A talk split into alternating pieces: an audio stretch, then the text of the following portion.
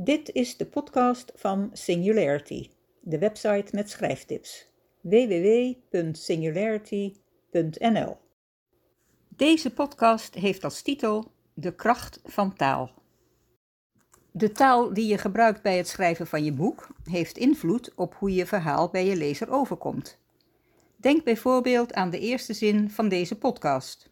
Hoe je verhaal bij je lezer overkomt is net wat prettiger lezen dan hoe je verhaal overkomt bij je lezer. Althans, dat vind ik. Smaken verschillen natuurlijk. Het is dus belangrijk dat je aandacht geeft hoe je je verhaal precies vertelt. Dat kan ook verschillen per soort verhaal en per genre. Iets licht en luchtigs vraagt een andere toon dan een duistere thriller. En ik begin met je te vertellen over de vier schrijfstijlen. Los van het genre en het soort verhaal dat het type schrijven van je fictieverhaal beïnvloedt, zijn er vier schrijfstijlen te onderscheiden, op een hoger niveau. Nummer 1. Expositie. Expositie is schrijven om je lezer over een onderwerp te informeren. Je legt bijvoorbeeld een recept uit of hoe de tuin te onderhouden. Die schrijfstijl wordt gebruikt voor handleidingen, studieboeken en dergelijke. Je schrijft het helder, samenhangend en systematisch. Heel anders dus dan, pak een beet, een thriller. Nummer 2. Beschrijvend. Deze stijl wordt onder andere gebruikt voor reviews van producten, restaurants, films en zo meer. Plus, niet te vergeten, boeken. Hiervoor schrijf je beeldend en invoelend. Bijvoorbeeld hoe een bepaald gerecht van een restaurant precies smaakte, zodanig dat je lezer het haast zelf proeft. Nummer 3. Overtuigend. Hiermee probeer je je lezer van iets te overtuigen. Bijvoorbeeld je opinie.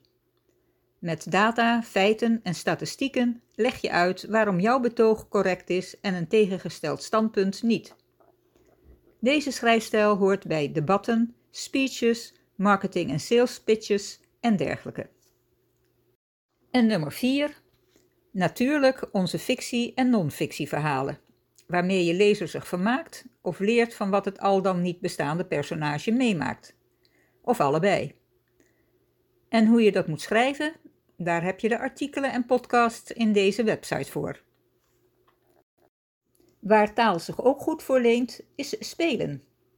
Zo kun je bijvoorbeeld oxymorons gebruiken, een stijlfiguur waarbij twee woorden gecombineerd worden die elkaar in letterlijke betekenis tegenspreken.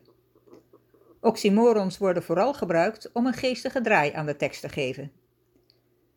Het personage dat een oxymoron gebruikt, doet dat bewust. Het is dus niet hetzelfde als de contradictio in terminis, waarbij de spreker onbewust zichzelf tegenspreekt. Voorbeelden: publiek geheim, klein wonder, oud nieuws, serieus grappig, vreselijk mooi, grootste helft, levend lijk, mooi van lelijkheid, omhooggevallen, oorverdovende stilte. En dan nu bijvoeglijke naamwoorden die te weinig zeggen. Met het gebruik van bijvoeglijke naamwoorden moet je zorgvuldig omgaan. Wat niet betekent dat je geen bijvoeglijke naamwoorden moet gebruiken. Maar als je iets gebruikt wat weinig zegt of toevoegt, een saai bijvoeglijk naamwoord, dan kun je dat beter vervangen door een ander, meer informatiegevend woord of woorden. Zo zegt ik was ziek nogal weinig en maakt ik had koorts het duidelijker. Voorbeelden vier weinigzeggende woorden met een aantal opfleurende vervangingen. Gemeen. Te vervangen door kwaadaardig, verdorven, hardvochtig, bruut, vreed. Vies. Vuil, smerig, onrein, morsig, bezoedeld. Schoon. Zuiver, rein, helder, proper, netjes en lief, schattig, lieflijk, teder, dierbaar, hartelijk. En zo ben ik aan het einde gekomen van deze podcast. Tot de volgende. Oh ja, vond je het leuk? Heb je er wat aan? Maak me dan blij door het te delen. Dank je wel.